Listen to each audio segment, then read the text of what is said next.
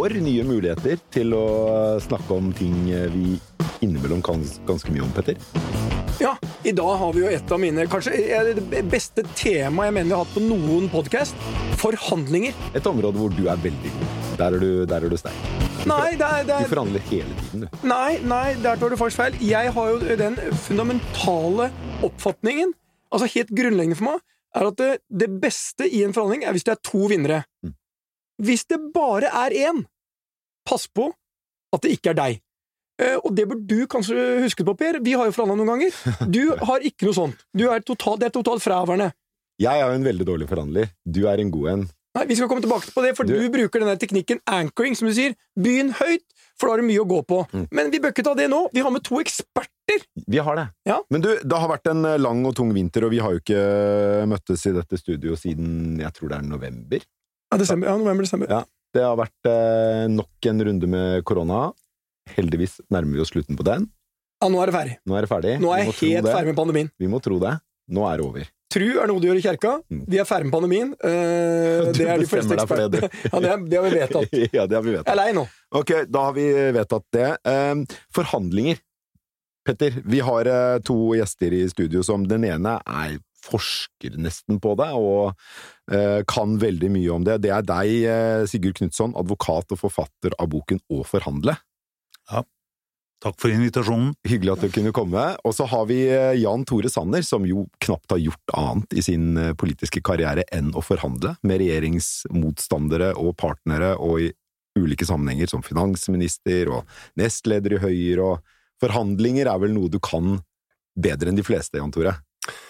Jeg har i hvert fall gjort det, eh, og har eh, lykkes eh, noen ganger, men jeg, jeg tror nok kanskje at Petter har rett i at de beste forhandlingene er når du har to, to vinnere. Men for å komme dit, så kreves det mye arbeid. Men jeg har bare, siden du sa to vinnere Hvordan eh, tror du Bondevik følte seg som en vinner når du forhandlet med han, og klarte det unike å få han til å sette ned bare alkoholavgiften med 25% Hvordan klarte han å presentere det som at det var to vinnere? Det er bare, det er bare interessant. I én er det riktig, og eh, hvordan tror du han følte seg som en vinner? Eh, Da må vi tilbake til 2003. Du kan gå tilbake så langt du vil. Jo, Her. jo, men, eh, men, men eh, eh, dette var faktisk en ganske krevende runde. Eh, For jeg forhandlet statsbudsjettene på vegne av Bondevik II-regjeringen. Det betyr at jeg hadde med meg KrF og Venstre, og så forhandlet jeg med Siv. Og Siv var knallhard i de, de forhandlingene. Så fikk jeg en eh, liten utfordring i fanget, og det var at Kjell Magne Bondevik, som var statsminister, han kom til meg og sa at eh, han ville gjerne ha én milliard til kommunene, KrF. Og så sa jeg, men kjære deg, Kjell Magne, jeg forhandler ikke med deg, jeg forhandler med Siv Jensen, og hun har ikke bedt om dette. Og så begynte det å gå rundt i hodet mitt, fordi at jeg fant ut at eller, her måtte jeg legge en strategi for faktisk å lykkes. Så husket jeg på at Per Sandberg, Ja. som var Sivs nestleder, hadde vært ute i Nasjonen og sa at kommunene manglet en milliard. Men det sa jeg ikke til Kjell Magne. Jeg sa bare at du, Kjell Magne, jeg skal få til det, men hvor mange hundre millioner kan jeg da kutte alkoholavgiftene? Og så sa han gjør det billigst mulig, og så sa jeg ok, 250 millioner, Eh, ja, hvis jeg fikk til det med kommunene. Så gikk jeg til Siv, og så sa jeg at eh, så puttet jeg inn både alkoholavgiftene, 25% i kutt på brennevinsavgiftene og en milliard til kommunene. Og så smalt det. Fordi Siv hadde jo ikke bedt om den milliarden. Men da hadde jeg nasjonen på innerlomma, og det har jeg ikke ofte. Og så la jeg den på bordet til Siv, og så sa jeg du, Siv, eh, jeg kan ikke leve med at din nestleder krever en milliard til kommunen, og så leverer vi ikke på det. Så nå får du alkoholavgifter, eh, og så får Per Sandberg den milliarden. Eh, Men det var egentlig Kjell Magnes, da. Men dette kaller vi jo streetsmart, eh, Sigurd. For her har du en som er streetsmart forhandler. Hvor, hvor, hvor Altså, det der å forhandle, og du som har skrevet bok om det, hvilke teknikker tror du brukes oftest? Kall det liksom litt sånn hersketeknikker. Hva, hva, når du liksom Hva er det du liksom har av erfaring? Hva er mest vanlig å bruke? Nei, jeg kaller det ikke hersketeknikker, men det jeg tror er veldig viktig, eh, som er typisk politikken, det er dette med bruk av makt. Mm. Eh, og maktspill i forhandlinger er essensielt, enten man tenker på det eller ikke, i enhver forhandling. Eh, I teorien så kaller vi det gjerne 'hvilken batna har du'? Hvil, hvor, hvilke batna, B-A-T-na, Eh, Dette må forklares. hvilke alternativer har du til en forhandlingsløsning? Best alternative to a negotiated agreement. Ja. Det er det man kaller å analysere hvilke alternativer partene har.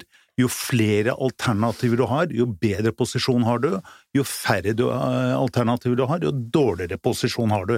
Det er det første man må analysere i enhver forhandlingssituasjon. Man kan gjerne kalle det tilbud og etterspørsel, eller markedet fungerer, men det vi ofte glemmer i en forhandlingssituasjon, det er å sette oss inn i motpartens sted. Ja. Hvilke alternativer har, har motparten? Det er typisk her, som du vet, Petter, i kreditor-debitor-forhandlinger. Hvilke, hvilke alternativer har bankene? Eh, den gamle 'skylder du banken 10 millioner, har du et problem', 'skylder du banken 100 millioner, så har banken et problem'. Hvilke alternativer har motparten til å komme frem til en løsning, og hvilke har du? Er du heldig og motparten bare må inngå en avtale med deg, så kan du tre forhandlingsløsningen nedover Men når du snakker om motparter, hvem er de verste forhandlingstypene du vil ha, ha som motpart? Altså, du har møtt mange i alle forhandlinger du har vært med på. Hvem er de verste typene du møter?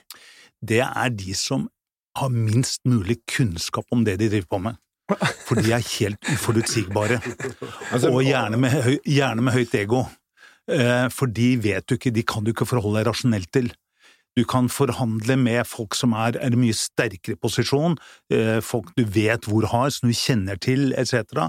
Når det kommer en som bare forhandler eh, vås, eh, så er det vanskeligere også å komme frem til en rasjonell løsning. Det er jo egentlig det vanskeligste. Det det å øh, Jeg vil tro at det, du, du, du nevner jo makt og all forhandlingsalternativer, men, men øh, i dette, Jan Tore, du var inne på det med forberedelser, og at du må, liksom, du må bruke mye tid i forkant av forhandlingene. Det å kjenne sine alternativer, og hva, hvor, hvor er smertegrensen for de alternativene, og kjenne motstanderens, eller for, i hvert fall forsøke å resonnere seg frem til motstanderens og motstanderens alternativer. Er det, hvor systematisk eh, er det lurt å gå frem? Jeg mener at det er to grunnleggende forutsetninger for å, for å lykkes. Eh, Det ene er forberedelser, og det, du, det kan du ikke undervurdere. Du må kjenne til din eh, motparts interesser. Hva er særlig viktig for dem? For å legge ting på bordet som de ikke er interessert i, de har ikke noe poeng. Hvordan gjør man det? Ja, altså, eh, Det handler rett og slett om å analysere det. Eh, Når jeg sitter i budsjettforhandlinger, vel, da, da eh, må jeg kunne eh, det andre partiet. Mm. Jeg må vite hvem i partiet er det som bestemmer, som vil ha størst innflytelse på det avgjørende tidspunktet. Det betød, på de første forhandlingene vi hadde, at jeg måtte legge inn noen blåresepter, fordi at eh, Frp var veldig opptatt av medisiner, billigere medisiner. Det hadde ikke noe poeng å legge inn ting som de ikke var interessert i. Mm. Eh, du må finne ut hvem er det som bestemmer, hva er de opptatt av. Det er det ene.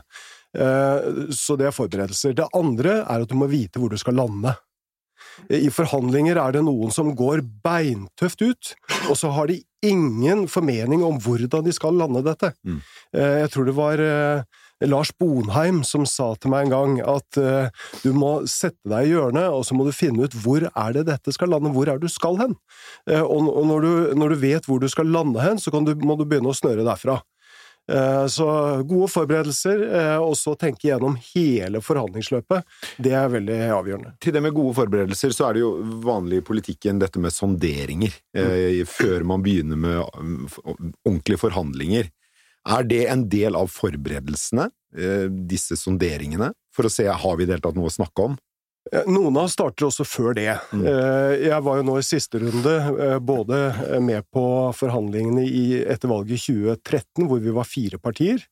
Da satt vi oppe i Nydalen.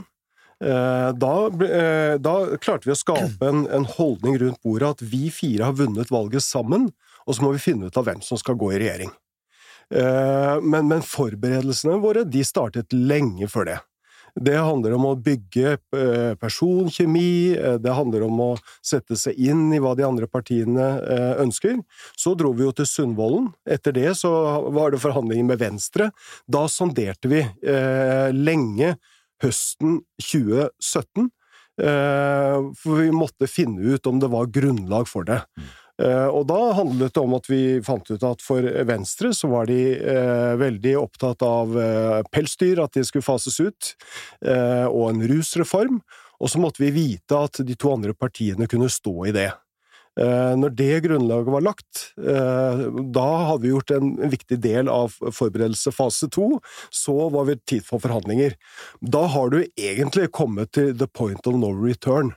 For da begynner det etter hvert å komme så mye opp i potten at uh, prisen for å hoppe ut, den er for stor for begge parter. Mm.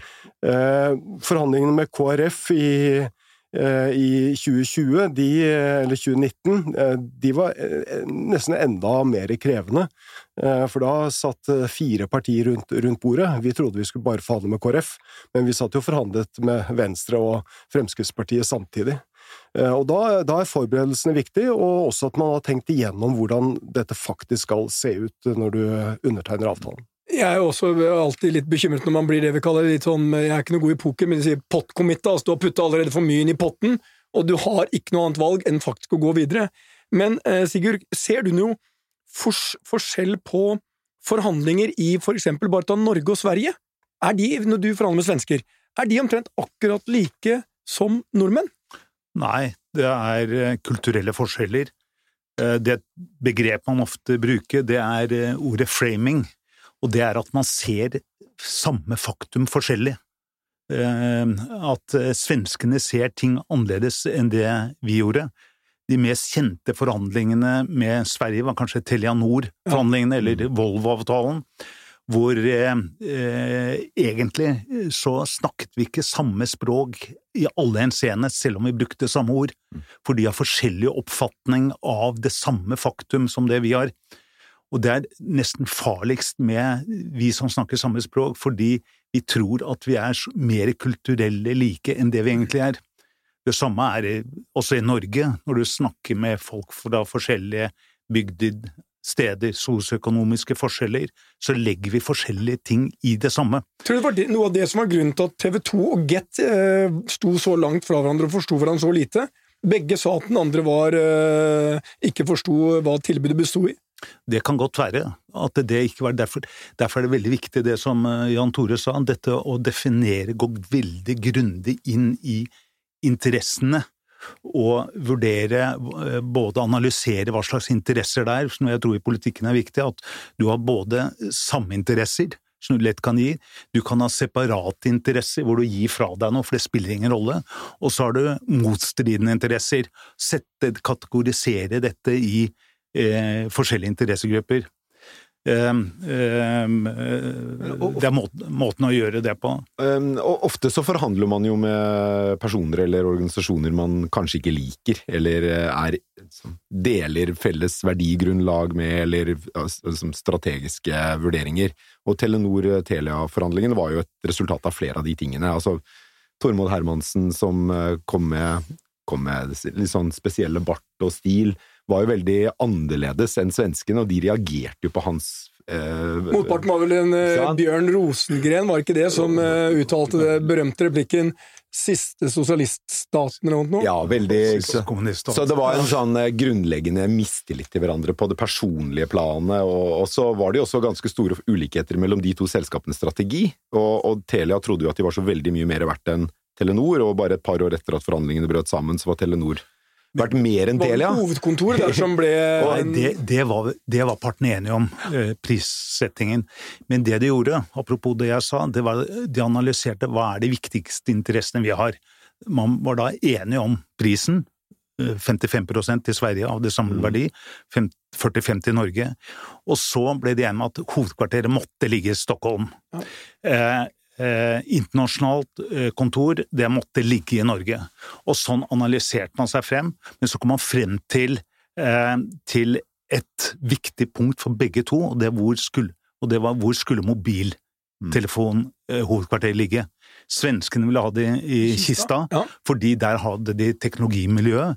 Norge ville ha det, eller Telenor ville ha det, eller Norge, for det, det var forhandlinger på på landsbasis, nasjonal basis. De ville ha det i Norge, for den store ekspansjonsmuligheten lå i mobiltelefon.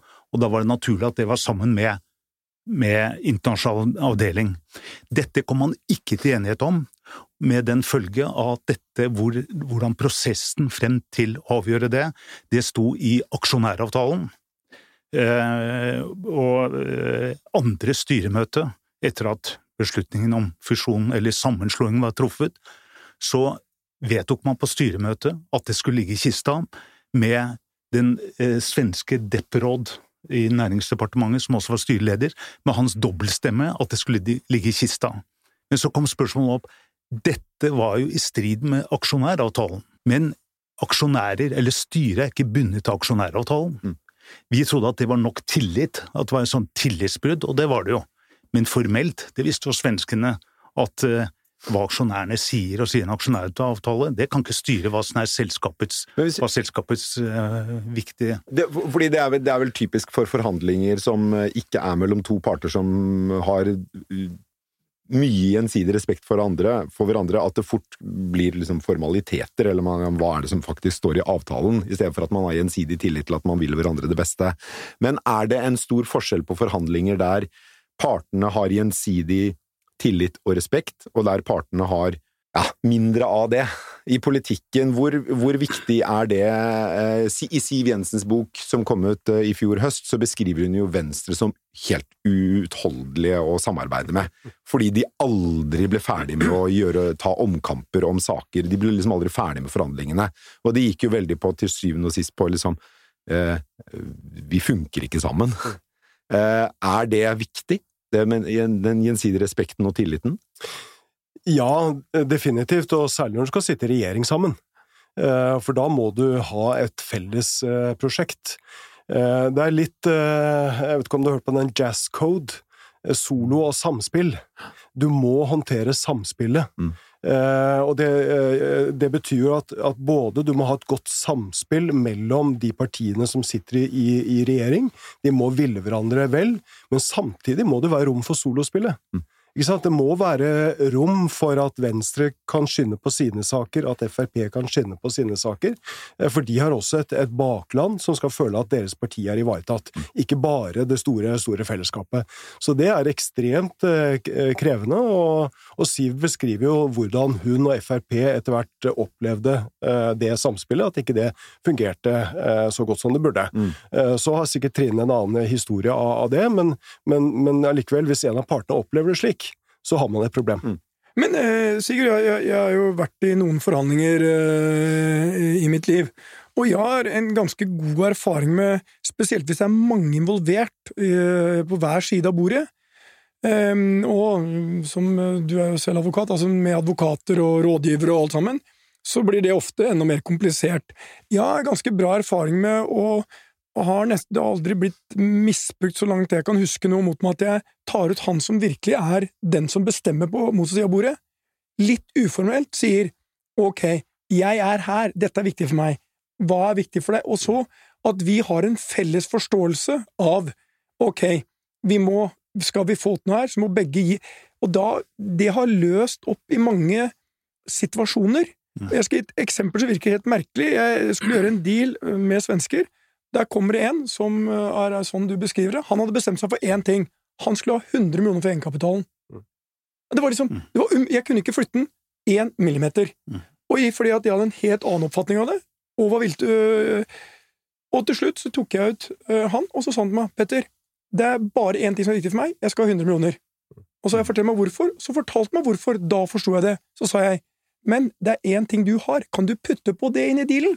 Så skal du få de 100. Har du skrevet om det i en av dine bøker? Ja.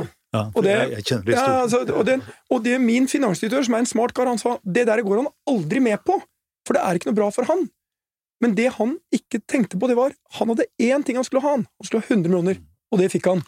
Han ble en supervinner. Og dette er jo sånne ting som er veldig vanskelig å forberede seg på, Petter. Du kan ikke forberede deg, du, må, du må ta det der og da. Når du forhandler, og du, du, i og med at du, du, har vært gjennom mange store forhandlinger, og du leder ikke de forhandlingene Nei. ned i detaljene, på hvilket nivå er det du går inn? Går du alltid inn på et punkt i forhandlingene og gjør den type Uh, ikke interventions akkurat, men sondere litt jeg, sånn Ja, men jeg syns det Jan Tore er inne med, er sånn, som jeg tror jeg, som mange undervurderer. Skal du forhandle, skal du være en bra forhandler, så er kunnskap alt. Du må sette deg inn i hva, hvor motparten er, og hvor du selv er, og bestemmer deg sånn cirka hvor du vil. Ja, jeg stiller aldri med noen låste mandater, jeg er ganske åpen i forhandlinger.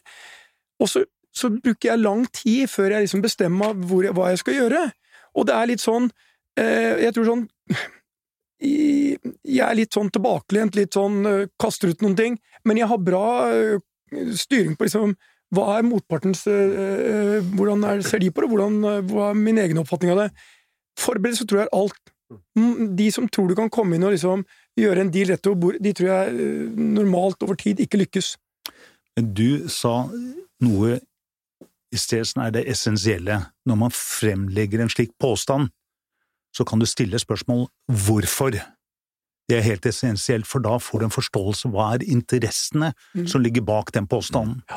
Og det er på bakgrunn av interessene man skal forhandle, og ikke på bakgrunn av påstanden. Når man forhandler og man deler den type når, når man, fordi når man deler det altså, altså, Jeg må ha de 100 for egenkapitalen. Mm. Så, så deler, deler, jo den du forhandlet med, eh, kritisk informasjon om sitt forhandlingsståsted eh, og hva han ønsker som utfall. I hvilken grad er det, er det en fordel som regel en fordel å være ganske åpen om sine posisjoner og sin, eh, sitt ønskede utfall? Eller, eller hvordan eh, det er, alt, det er jo ikke alt man ønsker å dele i et rom hvor det sitter ti stykker på hver side. Mm. Eh, men eh, de forhandlingene Petter eh, viser, viser, til, da antar jeg at du, du, kjente på at her, det er her det biter. Mm. Dette må vi faktisk løse. Eh, og da er min erfaring også at, eh, at det funker å gå sammen med en annen person eh, som står på den andre siden, og rett og slett Du, nå snakker vi helt uformelt. Ja. Dette binder ikke deg, det binder ja. ikke meg. Det er fire øyne, vi snakker ikke om det. Men jeg må faktisk vite er det mulig å finne en løsning her. Mm. Og hvis den personen sier at nei, dette betyr så mye for meg at det er take it or leave it, vel, da er det ikke noe mer å gå på. Mm. Eh, men, men, hvis du skjønner at her er det mulig å finne en, en, en løsning, vel, så kan du løse veldig mye, eh, rett og slett ved å, eh, ved å, gå et annet sted, og at det er to personer som snakker sammen. Og det selv om så, sånne situasjoner du beskriver der, som jeg opplever når det, når det virker ganske låst, så sier den personen 'dette er maktpåliggende for meg å få igjennom', det er, det, er, det er alt. Så kan man jo ofte spørre 'ok, la oss starte med det som et utgangspunkt'. Din virkelighet blir min virkelighet, men hva kan jeg få, hva er det jeg kan få, kanskje det er noe annet jeg kan få, som balanserer ut denne? Og det er sånn, Forhandlinger er litt sånn Du må kjenne litt på det. Hvor skal du? Det, det er, vi er mennesker alle sammen, liksom. Um, jeg vil si til eh, ditt spørsmål, Per, eh, skal man være åpen? Og min oppfatning er at eh, når det gjelder interesser, hva som er partenes respektive interesser, så skal du som hovedregel være helt åpen, mm. for da skjønner du motparten. Mm. Eh, og hvis du skjønner det å ta det 100 millioner kroners tilfellet ditt, hvis han sier det er helt nødvendig, så kan du si ja, det skjønner jeg, fordi du har gjerne en mandant eller en annen pers, eh, aksjonær bak som krever det. Så kan du si at fordi jeg skjønner det, så er det Jeg har også mine interesser. La oss finne en løsning som ivaretar både dine og mine interesser. Ja, du skal få den egenkapitalen, men er det, hvordan skal vi da få ivaretatt mine interesser på en legitim måte? Mm. Og Hvis da diskuterer dette på interesseplan, så klarer man, eller ikke klarer, men der er forutsetningene er bedre for å komme frem til en felles løsning. Sigurd, som advokat så forhandler jo du ofte på vegne av klienter, og hvor du ikke selv har en direkte økonomisk eh, gevinst av eh, forhandlingsresultatet. Ja. Eh, hva er viktig for deg da, når du er forhandler på vegne av en annen? Det jeg pleier å si at forhandlinger, nå snakker vi om de materielle sidene av forhandlinger. Du har vært litt inne på det, Petter, altså at eh, personene Men jeg sier at forhandlinger, det er tre elementer, og det er helt, det er like viktige. Det er de materielle spørsmålene, det er taktikk, interesser, eh, posisjonering og sånne ting. Like viktig er den personlige dimensjonen inne på dette med tillit. Er det mennesker jeg forstår? Kommuniserer vi på en ålreit måte? Er det noen jeg må passe fingrene mine for? Og det tredje argumentet, tredje elementet, det er kommunikasjonsprosessen. Kommuniserer vi? Kommuniserer vi på riktig måte? Eh, forstår jeg hva motparten mener, og forstår jeg hva motpartens eh, oppdragsgiver egentlig mener? Og klarer vi å kommunisere dette på en riktig måte? Det er vanskelig å måle suksess i forhandlinger, for de kan alltid bli bedre. Det vet man jo ikke. Men det er én måte å måle om forhandlinger er suksessfulle, og det er hvis de mislykkes. Man kommer ikke i mål. Og hvis man tenker seg grundig gjennom hvorfor man ikke kommer i mål, var det fordi man materielt sett kunne ha kommet i mål, eller var det fordi det skar seg enten i kommunikasjonsprosessen eller på det menneskelige plan? Og jeg tør påstå at i over 50% av alle tilfeller så er det de to siste elementene. Ja, det er helt, jeg tror det er, det er mye mer enn 50, tror jeg. Ja, og det, det må man ha. Derfor forberedelser må ikke bare gå på de materielle spørsmålene og sette seg inn. Man må sette seg inn i hvem man har med å gjøre, og så gjerne, gjerne eh, bli gjennom en kommunikasjonsprosess. Et veldig typisk eksempel er at man forhandler eh, utover ettermiddagen, og så er det en som bare må dra, skal rekke fly eller hente i barnehagen eller sånt noe. Da skal man være veldig klar på at man må sette av de siste fem minuttene, ti minuttene, til å ta en oppsummering og hvor man er, og hvor man skal hvor skal man neste gang? Hvem tar kontakt med, med neste? Mm. Og der ligger også en del av maktspillet hvor man, dette kan man utnytte. Og det er den som setter premissene i neste runde.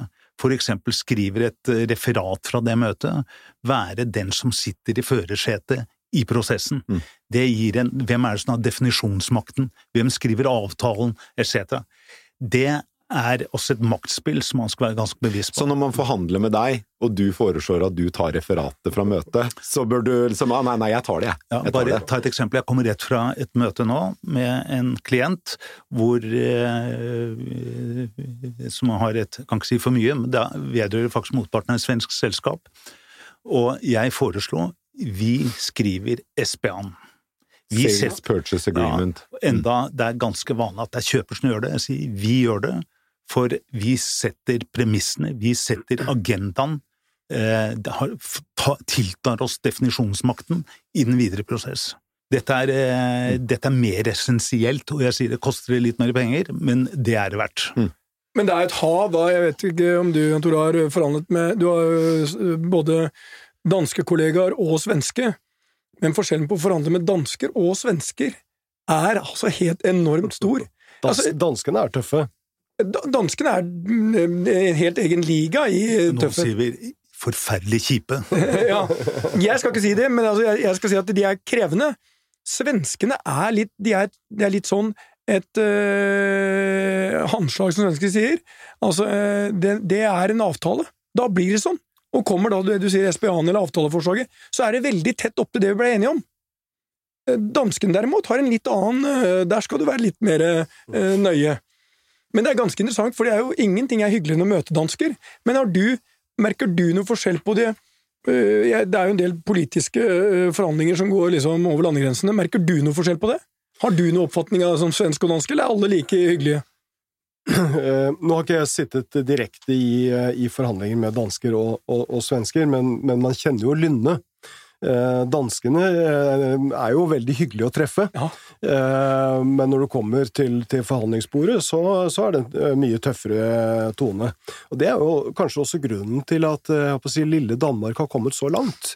De har jo et, et sterkt næringsliv, de har store eksportinntekter, store, store selskap. Så jeg tror nok den, den forretningskulturen du har i, i, i Danmark, den har vært viktig for, også for landet at de har lykkes så godt. Du, vi, vi nærmer oss slutten på denne podden, men jeg har lyst til å stille deg et spørsmål på tampen, Jan Tore. Hvem, eh, hvem er den råeste forhandleren du har eh, stått overfor? Oi, oi, oi! Ja, det, det, er nok, det er nok egentlig eh, Siv, vil jeg si. Eh, Siv? Ja, altså hun, eh, hun vil jeg si er, er, er veldig dyktig. Eh, også fordi at hun har håndtert et parti som eh, har hatt litt ulike interesser eh, internt, og da for henne å forhandle med en motpart. Jeg har både forhandlet hvor, hvor da jeg representerte regjeringen, og så har jeg møtt henne som finansminister, hvor jeg var først kommunalminister og så kunnskapsminister og ville ha penger til mine, mine områder. Hva gjorde henne rå, da, som forhandler? Ja, hun er eh, eh, når, hun sitter på, når hun sitter på pengene, eh, så er hun veldig rolig.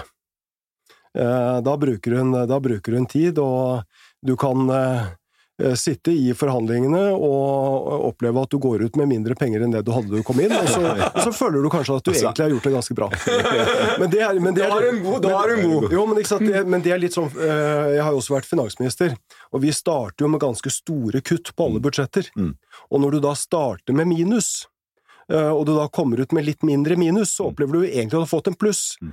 Inntil du kommer ut av forhandlingsrommet, og så er det jo ingen andre som visste hvor lite du hadde på et tidspunkt, da. Nei.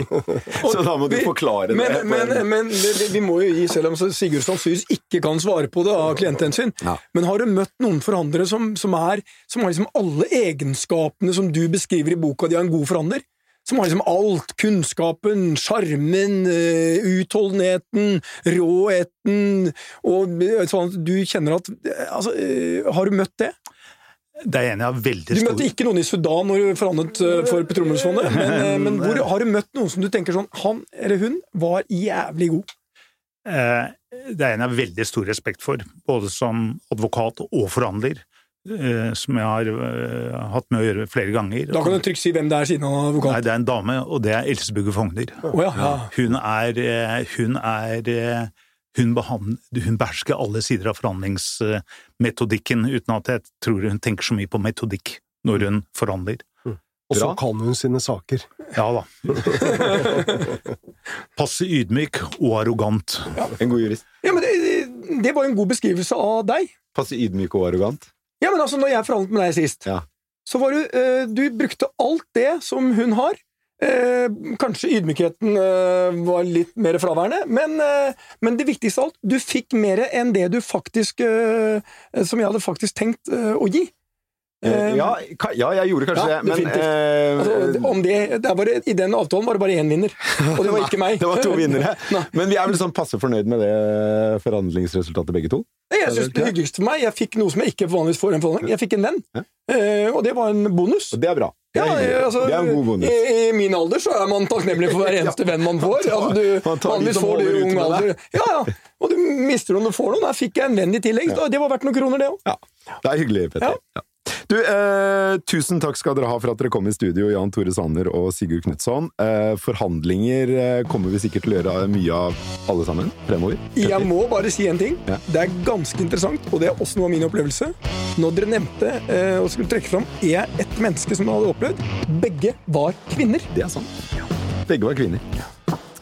Takk for nå, vi snakkes neste uke. Det gjør vi.